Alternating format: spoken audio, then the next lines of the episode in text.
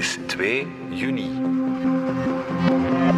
Dit is vandaag de dagelijkse podcast van de Standaard. Ik ben Alexander Lippenveld. De oorlog in Oekraïne blijft nu al een goed jaar min of meer binnen de grenzen van het land, of net daarbuiten. Maar deze week waren er droneaanvallen in Moskou. De impact bleef beperkt, maar het lijkt weer een nieuw element in deze oorlog. Zat Oekraïne achter de aanvallen? En wat zou dan hun strategie zijn? En komt de oorlog nu effectief dichterbij voor de Russen zelf?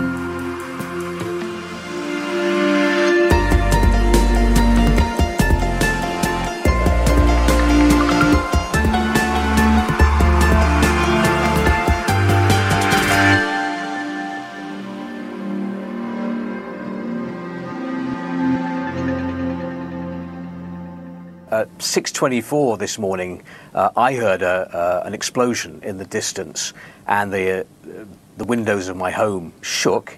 Uh, half an hour later, I heard an, another explosion, and it wasn't just me hearing them because social media uh, was full of uh, reports from Muscovites saying they'd heard explosions too. My morning normally doesn't begin with hearing explosions.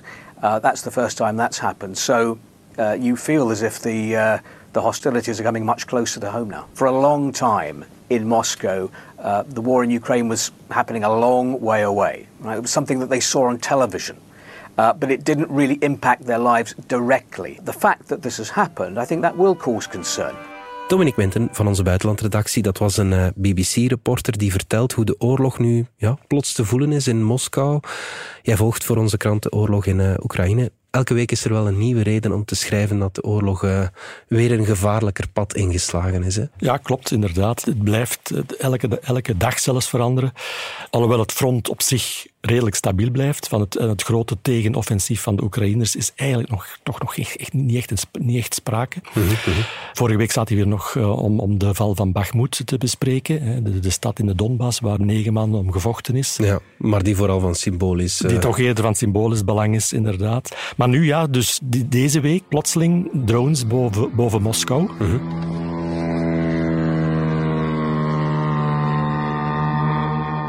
Die zijn weliswaar neergeschoten door de Russen, door het, het luchtafweersysteem dat geïnstalleerd is boven Moskou.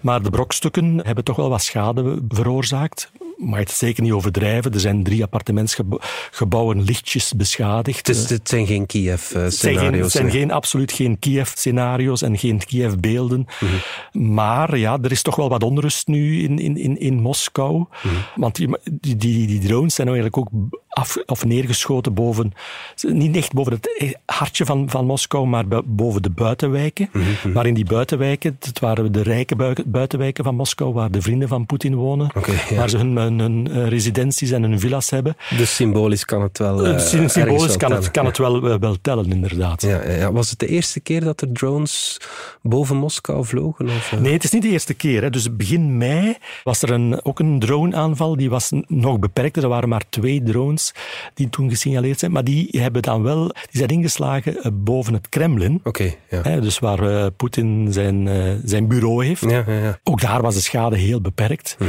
Dus uh, het is niet zo dat Poetin toen echt in, in gevaar is gekomen. Maar ja, dat, dat was ook op, opnieuw symbolisch vooral. Van kijk, ook het hart van, van, van de Russische staat mm. is, is kwetsbaar. Ja, Ik denk dat je, dat je het vooral in die, die context moet zien, die, die, die drones boven, boven boven de hoofdstad. Rusland wees uiteraard meteen naar Oekraïne. Minister van Defensie Shoigu die sprak van een terroristische daad. Сегодня утром киевский режим осуществил террористическую акцию в московском регионе Отмечу по гражданским объектам. Kan het dat Oekraïne hierachter zit? Of, uh... Dat kan zeker. Ik denk dat de kans zelfs groot is dat Oekraïne hierachter zit. Mm -hmm. de, de, militairen hebben, uh, hebben... Er zijn beelden van, van die drones die dus door, de, door het Russische luchtruim vlogen. Mm -hmm. En ze hebben die beelden bekeken en het zou gaan om een, om een Rus... Om, om echt een Oekraïnse drone, de UJ-22 wordt hij genoemd, die is van, van Oekraïnse makelij. Mm -hmm. Dus, en die, die, die kan inderdaad... Die heeft een rijkwijde van 800 kilometer. Ja, oké. Okay, ja, ja. Dus die kan opstijgen in, in Oekraïne en die kan dan perfect Moskou bereiken. Ja, ja. Dat is ongeveer een 500 kilometer, dus 450. van, de, van de grens uh, van Oekraïne, noord, en noordelijke grens van Oekraïne richting Moskou is, is ongeveer 500 kilometer. Mhm, mhm. Dus ja, dat kan. Ik, dus ik denk dat de kans reëel is dat het, dat het de Oekraïners zijn. Ja, het zijn ook speciale toestellen. Uh, dus ze zien er niet echt uit als, een, als, de drones die wij ons meestal voorstellen, van die kleinere toestellen. Met zo wat propellertjes, pro propellertjes uh, bovenaan. Nee, dit is eigenlijk, het ziet er eigenlijk echt uit als een, als een klein vliegtuigje. Ah, ja. met, met vleugels, met een landingsgestel, twee wielen eronder, een propeller vooraan. -hmm. Ja, dus, dus die beelden zijn opgedoken en 100% zeker weten we het niet, maar iedereen gaat het vanuit dat dat, dat de drones waren die dus richting Moskou vlogen en ja. die daar dan zijn neergeschoten. Ja, ja, er werd ook uh, gespeculeerd dat het opnieuw een false flag operatie van Rusland zou zijn. Ja. Bestaat die kans die, ook? Die kans bestaat ook nog altijd. Hè. Dus de Russen hebben dat al verschillende keren gedaan, zeker in het begin van de oorlog of in de aanloop naar de oorlog, hebben ze van die, van die militaire acties geënsceneerd om, om dan het, uh, redenen te creëren om, om Oekraïne binnen te vallen. Mm. Dus ook nu opnieuw zou dat kunnen. Zouden ze dat kunnen in scène zetten. Dus Poetin bijvoorbeeld, er komt een nieuwe mobilisatieronde aan. Er moeten opnieuw Russische mannen geronseld worden. Of geronseld is het misschien niet het juiste woord, maar gaan een oproepingsbrief krijgen om te gaan uh, vechten. -hmm de, het animo daarover is niet zo groot bij de gewone Rus.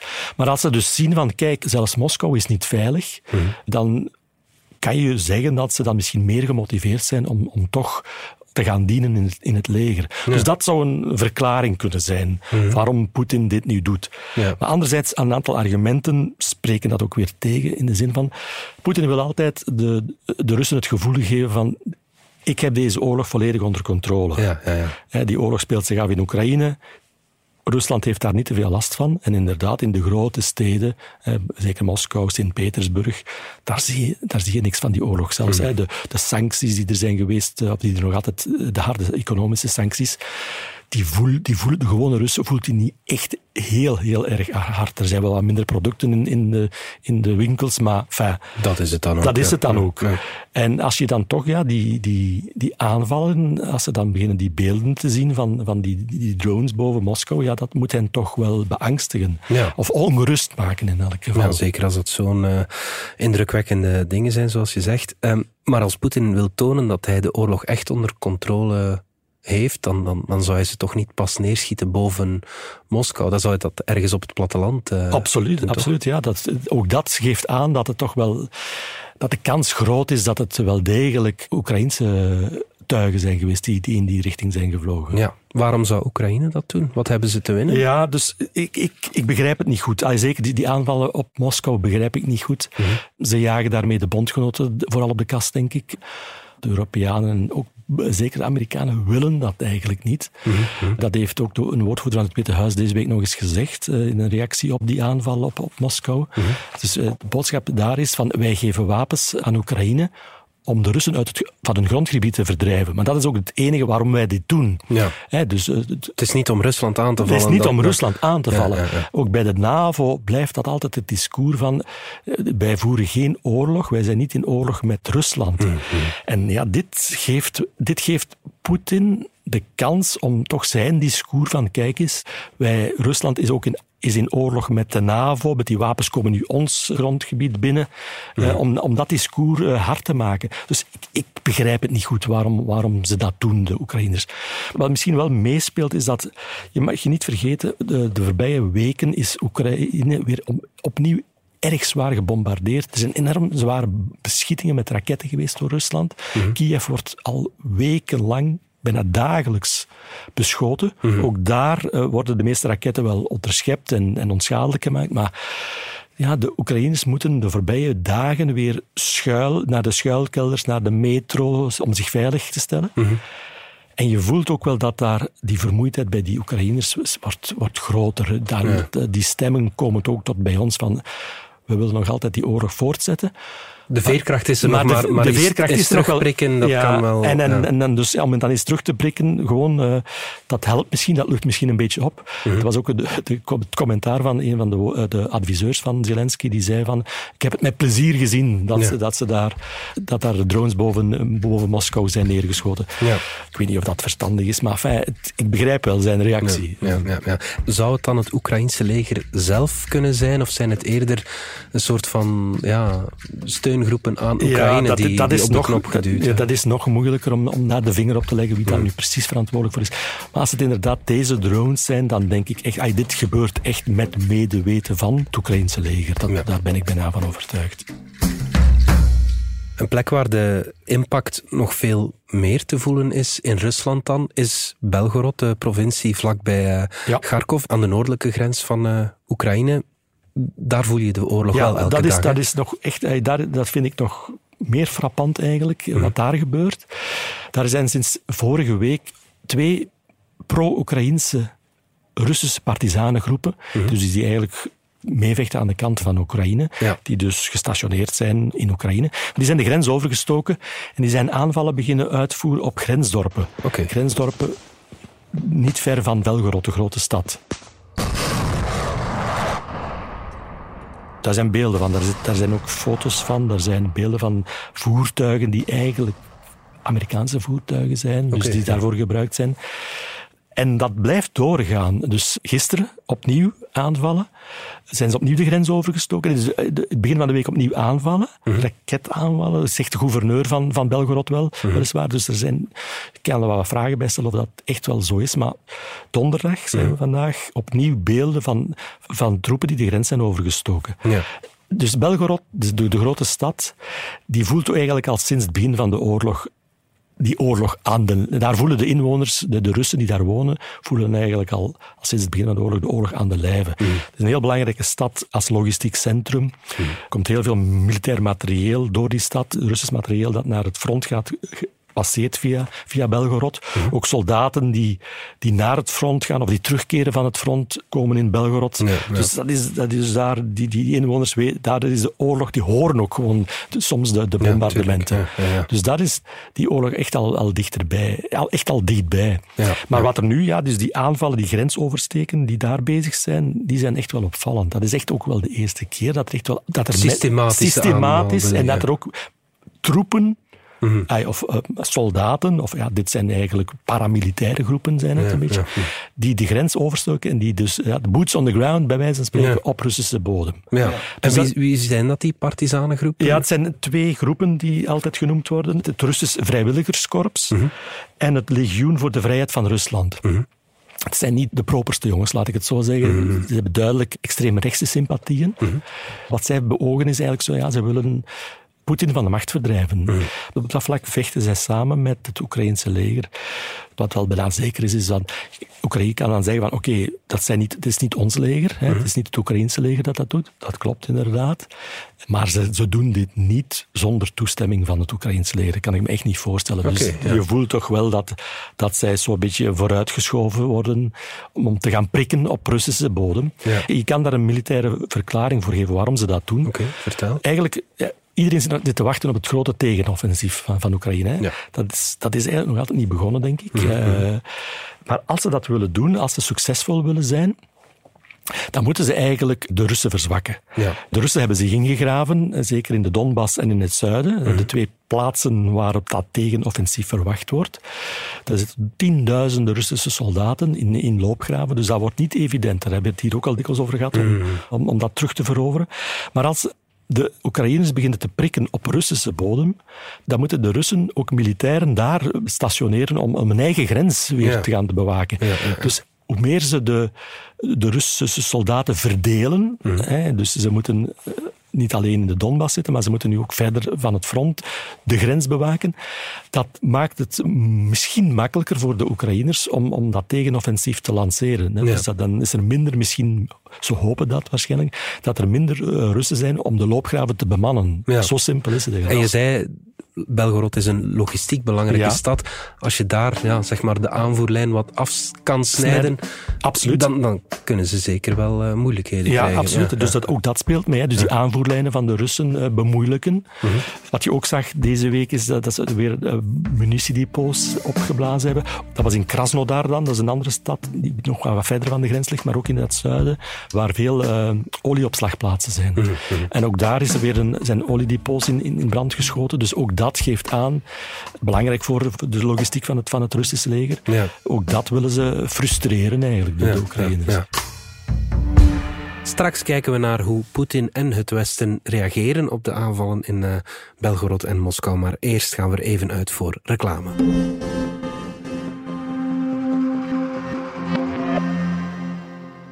Podcast De Zuivele Waarheid.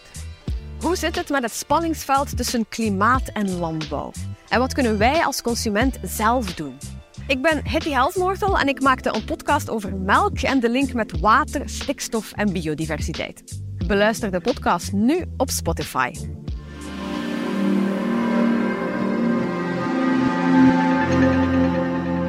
Dominique, hoe reageert Poetin eigenlijk op die aanvallen? Wel, dat is verschillend, vind ik. De dag van de droneaanval op Moskou is, is Poetin op tv gekomen, heeft hij daar een vraag over gekregen. En heeft hij wel kunnen zeggen van, kijk, we hebben de drones uit de lucht kunnen schieten. Dus hij kon dat positief draaien. Hij kon zeggen van, kijk, ons luchtafweersysteem uit boven Moskou werkt. Ja. Maar hij heeft dan wel gezegd van, ja, maar we moeten dat toch misschien nog ver- verder versterken. Over Belgorod heeft hij met geen woord gerept. Ja. Sinds de eerste aanval vorige week heeft daar niks over gezegd. Eh, Dus ik denk dat hij dat liever wat stil wil houden, dat hij daar de de Russen nog niet meer ongerust wil, wil over maken. Dus ja, dat zijn... Ja, het geeft wel aan dat hij, dat, eh, Dat hij daar wel nerveus dat hij over daar ja. nerveus over is. Ja, dat, dat is wel zeker, ja. Nou, ik neem aan dat de westerse bondgenoten ook nerveus worden van de acties van Oekraïne. Want ja, voor bombardementen op Russische opslagplaatsen, daar, valt misschien nog iets voor te zeggen. Maar dorpen aanvallen, dat is wel echt een grijze zone. Hè? Ja, tuurlijk is dat een grijze zone. Ja. Dat- Eigenlijk moeten ze dat niet doen. Hè. Ja, ja, wel, ja, ja, dus dat is meer dan een grijze Ja, zone. dat moeten ze niet doen. Ja, Dat want, ja, de- eh, de- ze zeggen dan wel, van die dorpen, daar zitten Russische soldaten. Eigenlijk, we hebben het gemunt op de Russische soldaten die daar zitten. Oké, dat is... Maar eigenlijk, ja... je, je brengt de oorlog echt wel op... Het gaat om een territoriale ja, en, en- logica. En, logica. En, en de, de territoriale logica is dat de oorlog binnen Oekraïne wordt uitgevochten. Mhm. Dat willen de, de bondgenoten van, van Oekraïne, van, eh, ik, wat ik net gezegd heb, zeker Washington Mhm. is hier niet blij mee. Maar het hangt er wat vanaf met met welke bondgenoot je spreekt. Bijvoorbeeld de Britten, Mhm. de minister van Buitenlandse Zaken van Groot-Brittannië, die heeft deze week wel gezegd van dat hij begrijpt waarom de, de Oekraïners dit doen. Mhm. En dat ze dat eigenlijk ook wel, ja, dat ze het recht hebben om dat te doen. Dus hij ziet dat dan, die aanval op, ja, zoals de, de militaire logica erachter, Ja. die we net hebben uitgelegd. Dus hij vindt dat een voldoende... eh, Het is legitiem. Legitiem, Ja, eh, legitimering voor, voor wat er nu gebeurt. Ja, maar in Washington zien ze daar dan dat er Amerikaanse legervoertuigen op Russisch grondgebied eh, staan. Dat zien ze natuurlijk niet graag gebeuren. Nee, nee, dat Ja. is wat ik zeg, dat Biden wil dat eigenlijk Ja. niet. Hij En wil- hoe, hoe, komen die daar? Want ja, Ja, dat is, dat is onduidelijk. Ehm, sommigen zeggen van, ze hebben die op de zwarte markt gekocht. Mhm. Die paramilitaire groepen hebben die op de zwarte markt gekocht. Dat kan. Mhm. want er circuleren nu zoveel wapens ondertussen weer in, in Oekraïne. Dat er een soort van zwart circuit is, eh, dat, dat is perfect eh, denkbaar. Mhm. Maar de kans is ook groot dat ze die gewoon gekregen hebben van het Oekraïnse leger. Ja. De Oekraïners hebben die gekregen van de Amerikanen of van, andere- van de Europese landen. En dat die dan doorgeschoven worden naar, naar die para- paramilitaire groepen. Mhm. Dus dat is een andere mogelijkheid. En ik zeg het, dat eigenlijk willen de bondgenoten dat niet. Ja, want ze nemen toch, als Oekraïne dat toelaat, een, een heel groot risico dat, dat de Amerikanen zeggen, ja, die wapenleveringen, misschien moeten we daar toch nog eens eh, verder over nadenken. Absoluut. Dat gevaar bestaat inderdaad. Eh, Je voelt nu al, de Amerikanen, eigenlijk zijn de Amerikanen op de, de laatste weken voorzichtiger gewo- geworden dan de Europeanen. Mhm. De Amerikanen hebben gezegd van we gaan eh, geen eh, F-16 stu- sturen, onze F-16's. Mhm. Het zijn de Europese landen die nu die F-16's willen, willen leveren, ook die opleidingen gaan geven. Eh, de Amerikanen hebben dan uiteindelijk wel gezegd van oké, je hebt de toestemming om die F-16's te gaan leveren. Maar de Amerikanen beginnen zo wel, wel, wel voorzichtiger te worden. En telkens opnieuw zegt Biden, ja, die F-16's, die moeten als, we, als ze dan toch geleverd worden, mogen alleen ingezet worden om het Oekraïnse luchtruim te verdedigen. Ja. Als hij nu ziet dat er al die, die, die voertuigen de grens oversteken, ja, dan is die stap voor... Uh... Voor die vliegtuigen natuurlijk ook uh, ja. misschien sneller gemaakt. Ja. Dus op dat vlak, ja, ik, ik blijf dat een zorgwekkende evolutie vinden. Mm. Goed, Dominique Minten, dankjewel. Graag gedaan. Dit was vandaag de dagelijkse podcast van de Standaard. Bedankt voor het luisteren. Volg ons op Spotify, Apple Podcast of eender welk ander podcastplatform. In onze gratis FDS podcast kan je niet alleen ons werk beluisteren, maar ook de beste podcasttips terugvinden. Alle credits van de podcast die je net hoorde vind je op standaard.be-podcast. Reageren kan via podcast.standaard.be.